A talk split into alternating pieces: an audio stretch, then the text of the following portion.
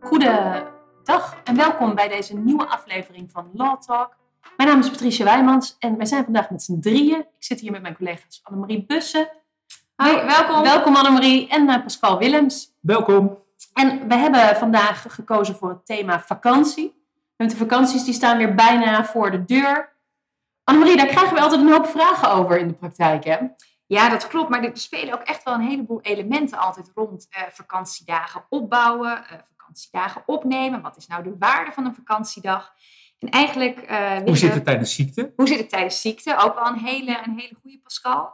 Dus wij zullen een aantal van die elementen zullen wij vandaag met jullie bespreken aan de hand van wat jurisprudentie. Maar ik denk dat het goed is dat we eerst even kijken van nou, wat zegt nou eigenlijk de wet over überhaupt hè, vakantiedagen. Um, je hebt wettelijke en je hebt bovenwettelijke vakantiedagen. En nou ja, ik doe het nu eventjes uit mijn hoofd, maar de wettelijke vakantiedagen kun je altijd het meest makkelijk berekenen. Dat is gewoon vier keer de overeengekomen arbeidsduur. Ja. Stel, je werkt fulltime, 40 uur, dan heb jij vier keer 40 uur. Dat zijn jouw wettelijke vakantiedagen. Precies. En alles wat daar bovenop komt, hè? Alles wat extra is, of op grond van een arbeidsvoorwaardenregeling, of omdat het in jouw individuele arbeidsovereenkomst staat, of misschien wel in de CAO, dat zijn dan bovenwettelijke vakantiedagen. Ja. Wat zijn dan verlofdagen? Ja, dat is een hele goede verlofdagen. Um, welke verlofdagen bedoel je, Pascal? Nou ja, je hoort natuurlijk wel van, nou, ik heb zoveel vakantiedagen en zoveel verlofdagen of snipperuren of zo. Hoe verhoudt zich dat tot elkaar? Tijd, of uh, zelfs nog ADV.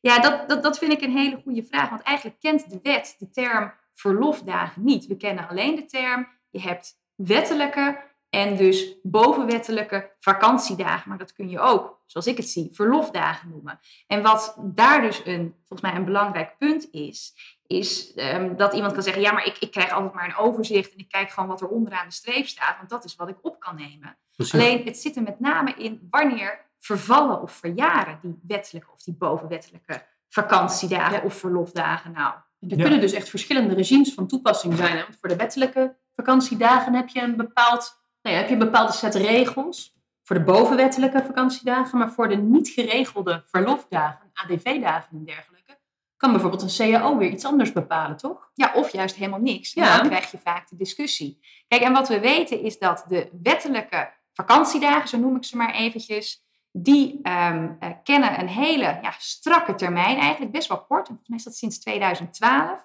Dat die komen te vervallen. Dus dat is echt ja. een vervaltermijn. Um, en dan ga ik het even proberen makkelijk te zeggen. Uiterlijk een half jaar na het jaar waarin ze zijn toegekend of zijn opgebouwd. Precies. Dus de dagen die we vorig jaar, de wettelijke vakantiedagen. Over 2021. Wij, vorig jaar in 2021 hebben opgebouwd. Die komen per 1 juli 2022 te vervallen. Dus ja. Je, dus je moet zorgen dat je ze voor die tijd hebt gebruikt, genoten. Ja. En anders verdwijnen ze. Ja, is, het, is het echt op grond van de wet dikke weg? Dan, heb jij, dan ben je die wettelijke vakantiedagen kwijt. En dat zijn er natuurlijk best wel, dat is meestal het merendeel. Want als je hè, uitgaat van het voorbeeld wat wij noemden, uh, je werkt fulltime, dan zijn dat gewoon vier weken. Stel je ja. hebt in 2021 maar drie weken opgenomen en je neemt in het eerste half jaar van 2022 niks op, ja, dan is het één week die je gewoon weglaat, nou ja, vliegen. Eh, dat hoe weet je nou welke dagen je opneemt in de praktijk? Ik neem vakantiedagen op. Ik wil twee weken vakantiedagen, maar hoe weet ik nou of dat wettelijke of bovenwettelijke zijn? Ja, als het goed is, krijg je van je werkgever wel een overzicht waarin dus dat onderscheid wordt gemaakt tussen wettelijk en bovenwettelijk. En er is ook jurisprudentie dat de werkgever bij een verlofaanvraag dan de vakantiedagen eigenlijk moet afschrijven, moet afboeken die je aanvraagt, die als eerste komen te vervallen of te verjaren. Want dat puntje hadden we nog niet gehad, want de bovenwettelijke vakantiedagen, die kennen een veel langere termijn dat ze nog van toepassing zijn of dat je ze nog kunt opnemen. Die kennen namelijk een verjaringstermijn van vijf jaar. Dus het wettelijke, hè, eigenlijk een soort van max anderhalf, maar soms ja. misschien maar een half jaar. Bovenwettelijk vijf jaar. En dus Pascal, als jij een aanvraag doet van, joh, ik wil graag een weekje skiën in de, in de voorjaarsvakantie. Uh, lijkt me heerlijk. Ja, lijkt, lijkt me ook fantastisch.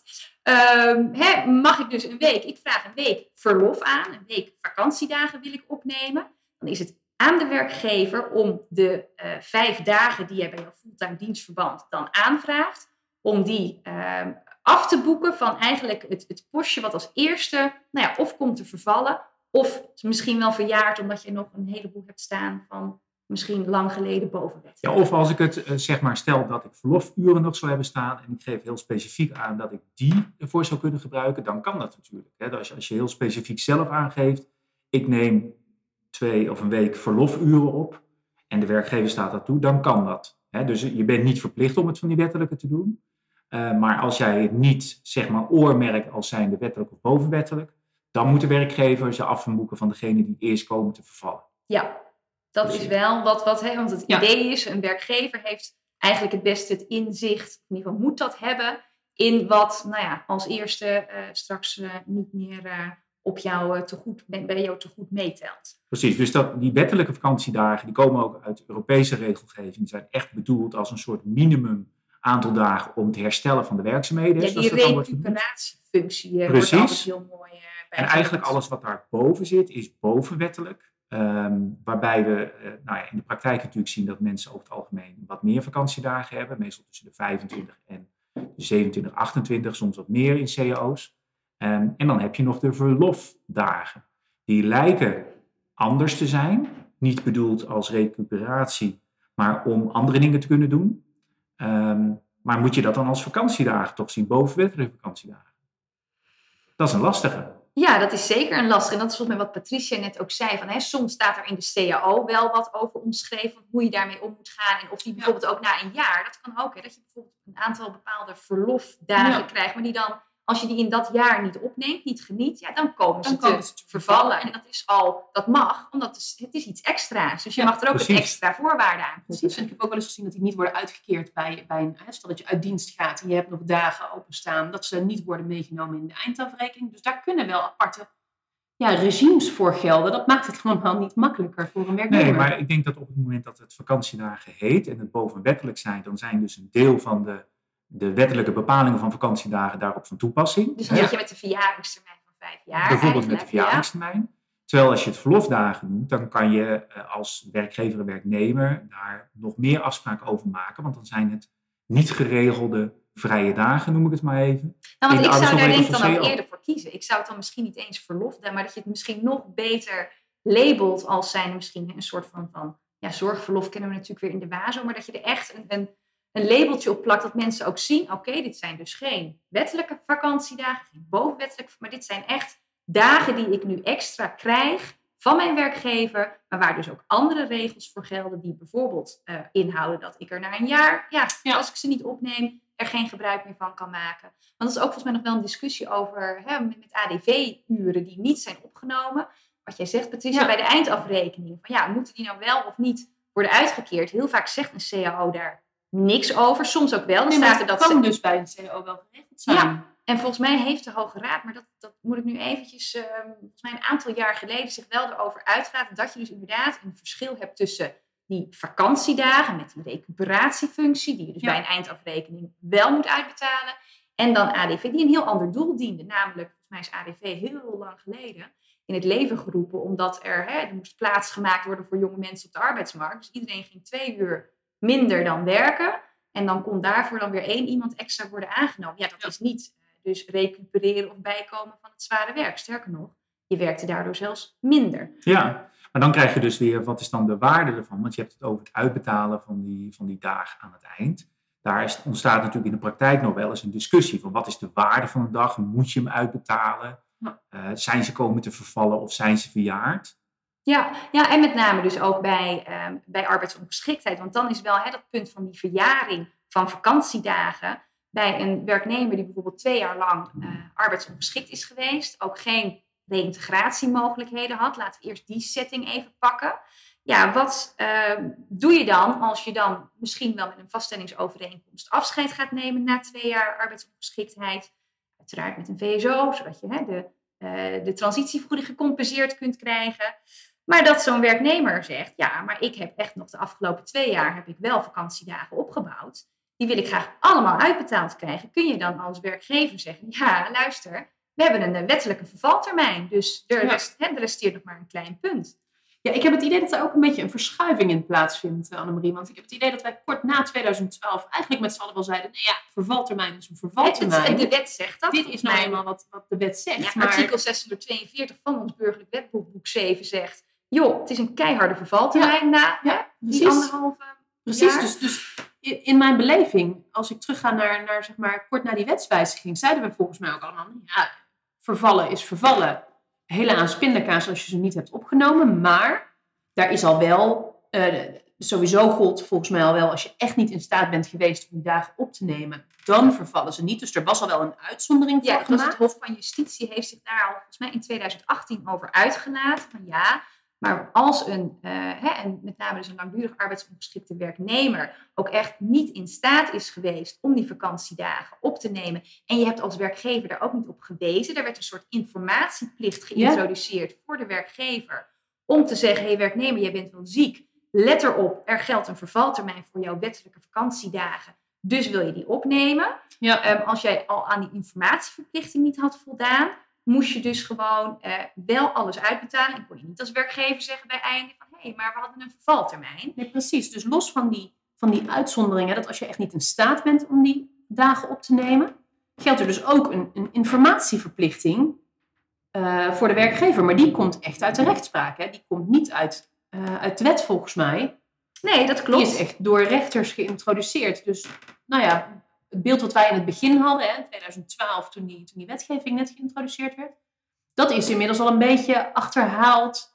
eh, want daar, daar gelden al wel weer wat meer eisen voor. Ja, dat komt denk ik ook omdat de, de jurisprudentie over vervaltermijnen van de Hoge Raad was vrij strikt. Ja, Maar het is natuurlijk ook een vervaltermijn, niet voor niks. Precies. Eh, En toch zie je dat daar, ik denk inderdaad mede onder invloed van de Europese jurisprudentie, eh, dat ze daar wat flexibeler in zijn geweest op het moment dat je het niet hebt kunnen opnemen. Want Ja. Ja, dan eh, houdt het op. Maar ook als je ja, die als werkgever daar niet voldoende op gewezen hebt. nee, precies. En, eh, en dat, is, ja, dat is aan de ene kant vind ik dat lastig, want iedereen, eh, zou je zeggen, heeft een salarisstrook of een systeem waar je het in kan zien. ja. Dus de vraag is, hoe ver gaat de informatieplicht? Aan de andere kant, als jij een werkgever hebt die het gewoon in een Excelletje bijhoudt, en jij dat dus niet periodiek zichtbaar hebt met een vakantiekaart of een online systeem, dan kan ik me wel voorstellen dat je na twee jaar ziekte, waarin je meestal wel hele andere dingen aan je hoofd hebt dan je Ja. saldo bijhouden, dat je daar dan eh, iets, eh, iets mee kunt. Nee, dat klopt. Maar de, de rechtspraak maakt daar volgens mij geen onderscheid in hoe je dat als werkgever documenteert, toch?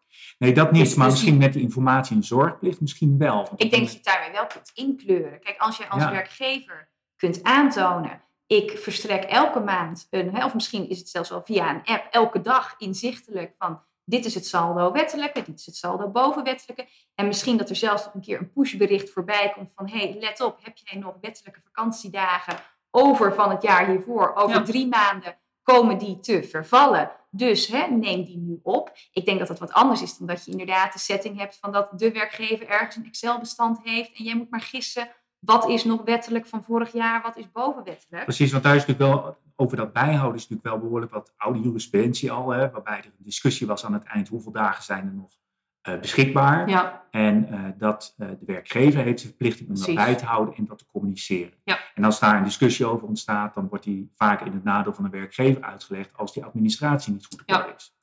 ik denk wel dat het voor een werkgever raadzaam is om elk jaar bijvoorbeeld in nou ja, maart, In maart, april, dus- ja, of ergens ja. een bericht te sturen van goh, let even op. eh 1 juli, dan vervallen de wettelijke vakantiedagen. Eh, dan hoef je nog niet eens per se voor iedere werknemer een overzicht te maken, maar, maar gewoon Even even een een- algemeen berichtje van dan Of dat je het vervallen in de arbeidsovereenkomst misschien zelfs al opneemt bij de bepaling over, ehm, je krijgt bij ons zoveel wettelijke vakantiedagen, zoveel bovenwettelijke. Let op, de vervaltermijn voor de wettelijke is dit. Dus eh, hou er rekening mee dat je Ja. Eh, zelf ook scherp moet zijn op wat het saldo nog is het jaar daarna, als je dat voor 1 juli nog niet hebt opgemaakt. Precies, ik denk dat het wel goed is om, die, om werknemers daar nou ja, actief over te informeren. Al is het maar in algemene zin dat ze zelf kunnen raadplegen van, oh ja, hey, hoeveel heb ik nog staan? Wat komt er eventueel te vervallen?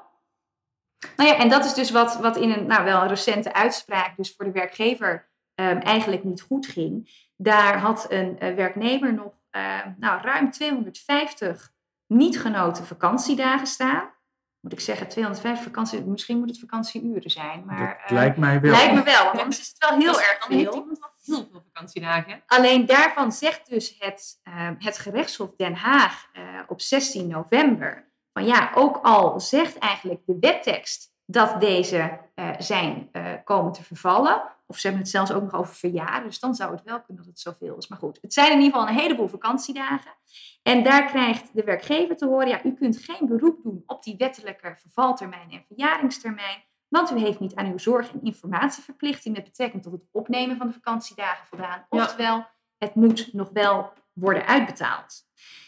Kijk, en dan kunnen we volgens mij ook in hè, gaan kijken naar, oké, er is dus discussie over van, nou, had iemand het op kunnen nemen? Is aan de informatieverplichting voldaan door de werkgever? En dan hebben we dus nog het punt van, ja, maar wat is dan die waarde als je gaat uitbetalen? Als je dan vaststelt, oké, er zijn nog 15 vakantiedagen zijn er uh, nog die moeten worden uitgekeerd. Ja, wat is dan de waarde? Ja. Want bijvoorbeeld bij ja. uh, arbeidsongeschiktheid weten we natuurlijk dat als jij vakantiedagen tijdens arbeidsongeschiktheid opneemt, ook al kun jij bijvoorbeeld nog maar uh, vier van de acht uur per dag werken, ben je aan het reintegreren, dan moet je wel voor acht uur vakantiedagen opnemen. Ja. Dus dat weten we, dat Precies. heeft de Hoge Raad gezegd en, een aantal jaar geleden. En we weten ook dat als jij in je tweede ziektejaar zit bijvoorbeeld, je krijgt nog maar 70% van je salaris doorbetaald. Op het moment dat jij vakantie opneemt, dan krijg jij wel gewoon 100% eh, van je loon doorbetaald over de dagen of over de periode waarin jij vakantie opneemt. Ja, daar is inderdaad een paar weken geleden een uitspraak over gedaan. Precies. Maar hoe zit het dan uh, met bijvoorbeeld overwerktoeslag. Ja, want daar is ook recent. Um, nou ja, daar, daar zag ik ook recent wat van voorbij komen, toch?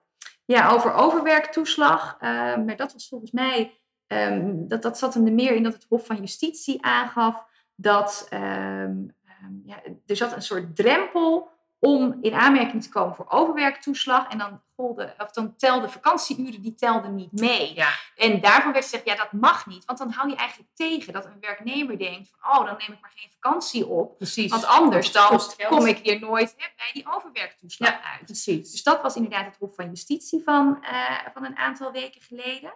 Maar, ja, maar het gaat ook over, er is ook een uitspraak geweest over um, een werknemer die, volgens mij was hij chauffeur of zo, die werd ziek en zijn werkgever betaalde gewoon 100% van het loon uit. Maar deze werknemer maakte volgens mij heel veel overuren. En dat was echt wel een aanzienlijk deel van zijn inkomen, begreep ik. En daar ontstond toen ook discussie over de vraag, ja, hoe, hoeveel moet je dan uitbetalen als iemand vakantie opneemt? Betaal je dan alleen gewoon het bruto loon? Of moet er dan ook overwerk in meegenomen worden? Ja, en volgens mij was, was hier de kantonrechter, hè, die, die, nou ja, die trok het of die legt het uit in het voordeel van inderdaad de werknemer. Ja. Die zei van ja, zo'n zo'n vergoeding voor overwerk, dat maakt ook echt onderdeel uit van het uh, vakantieloon. Ja. Want uh, hè, dit was zo gebruikelijk, het, hè, het hield zo intrinsiek samen met de taken die deze chauffeur kreeg opgedragen, dat dat dus ook bij het berekenen van de waarde van het vakantieloon moet worden meegenomen. Eigenlijk omdat het gewoon bijna structureel was. Ook Ja, een beetje wat je met onregelmatigheidstoeslagen ziet. Ja, Ja, ploegentoeslagen Ja, dat soort echt vaste, ja, vaste Ja. emolumenten, denk ik. Dus dat is echt, als het een, een structureel vast element krijgt, gaat dat eigenlijk doorwerken in de vakantie. Omdat dat bijna een vast onderdeel wordt van je loon. Dat is natuurlijk wat anders dan incidenteel dat is overwerk. anders wanneer je Ja. een keertje incidenteel hebt overgewerkt. Precies, want dat is denk ik wel belangrijk. Ja. Maar die discussies die kunnen dus best wel hoog oplopen. Ehm, want ik zat er nog even te kijken, we dachten net 200 zoveel dagen dat het uren Ja, maar waren. het zijn toch Maar het dagen. waren dus Het zijn dagen. echt dagen. Ja, En dan Ja. gaat het over ook een dat hele en lange periode. verjaring en vervaltermijn dan is. Ja. Het gaat echt over een lange periode. Ja, want dat, eh, zeg maar, de vordering was eh, ruim 80.000 euro bruto voor die dagen. Ja. En ik, eh, ik zat toevallig net even nog na te lezen, maar er was dus ook een discussie van, ja, hoe kan het in godsnaam dat je dan zo weinig vakantie ja. opneemt? Ja. Dat Het was een in- advocaat, geloof ik, hè? Klopt. En, maar in die discussie ging het dus ook nog zo dat eh, die werknemer eh, claimde dat het een vreselijke werkomgeving was. Ja. Eh, waardoor je dus kan afvragen, ja, als het zo vreselijk is, waarom neem je dan zo weinig vakantiedagen op? ja, maar ik denk dat de druk zo hoog was dat hij niet, niet de vrijheid heeft ervaren om dan druk om Ja, en op dat te nemen. het bijhouden ging ook met Excel-sheetjes ja. en zo. Dus nou, het was één grote chaos. Maar dan zie je dus wel, uiteindelijk kost dat dus ruim 90.000 euro. Ja. Hè, en als daar nog eens een keer de wettelijke verhoging overheen gaat, kan er nog eens een keer de helft bij komen. Dus dat zijn behoorlijke claims. Ehm, en dat, dat bijhouden en dus ook de informatieplicht is dan wel heel erg belangrijk. ja, en ook proberen te stimuleren dat mensen ook gewoon daadwerkelijk eh, vakantieuren opnemen. Hè? Dat je dit soort stuwmieren voorkomt. Want het is niet goed voor een, eh, voor een werkgever, maar ook niet voor een werknemer. Want die moet ook gewoon zijn vakantie kunnen genieten en, en daadwerkelijk kunnen recupereren van de arbeid. Ja, en, en in het verlengde zie je dan ook wel van dat op het moment dat de werknemer die vakantie heeft kunnen genieten, en er bijvoorbeeld sprake is van een burn-out of overspannenheid en zo, dat je weer eerder aan je werkgeversaansprakelijkheid zit, Ja, omdat je iemand niet in de gelegenheid hebt gesteld Om of gestimuleerd om te Ja. herstellen. ja misschien Nou. moeten we daar, daar een nieuwe podcast over maken. Maar ja, over werkgeversaansprakelijkheid is wel leuk om dat eh, eh, een andere keer inderdaad ook eh, te Ja. doen. Ja, Ehm, maar zeg maar, na al dit besproken te hebben, zeg maar, eh, ben je al moe om eh, op vakantie te gaan? Of Nou, ik niet, hoor. nodig? Dus ehm, nou ja, over vakantie valt dus eh, een hele hoop te vertellen. En ik hoop dat we hier een klein tipje van de sluier hebben opge- opgelicht aan de hand van recente jurisprudentie. Mochten jullie nog tips hebben, vragen of zo, stuur het in. Dat vinden we ook leuk. We weten dat steeds meer mensen luisteren naar onze podcast. Dat vinden we hartstikke leuk. Ehm, luister ook de andere podcast een keertje die we hebben gemaakt. En eh, nou ja, we zouden het ook leuk vinden als jullie collega's, relatie, vrienden eh, tippen over deze podcast. Want eh, nou ja, we doen het uiteindelijk voor jullie, toch? Zeker weten. Dan wil ik jullie allemaal bedanken voor het luisteren. Annemarie en Patricia, bedankt voor jullie bijdrage. En graag tot de volgende keer. Tot de volgende keer. Ciao.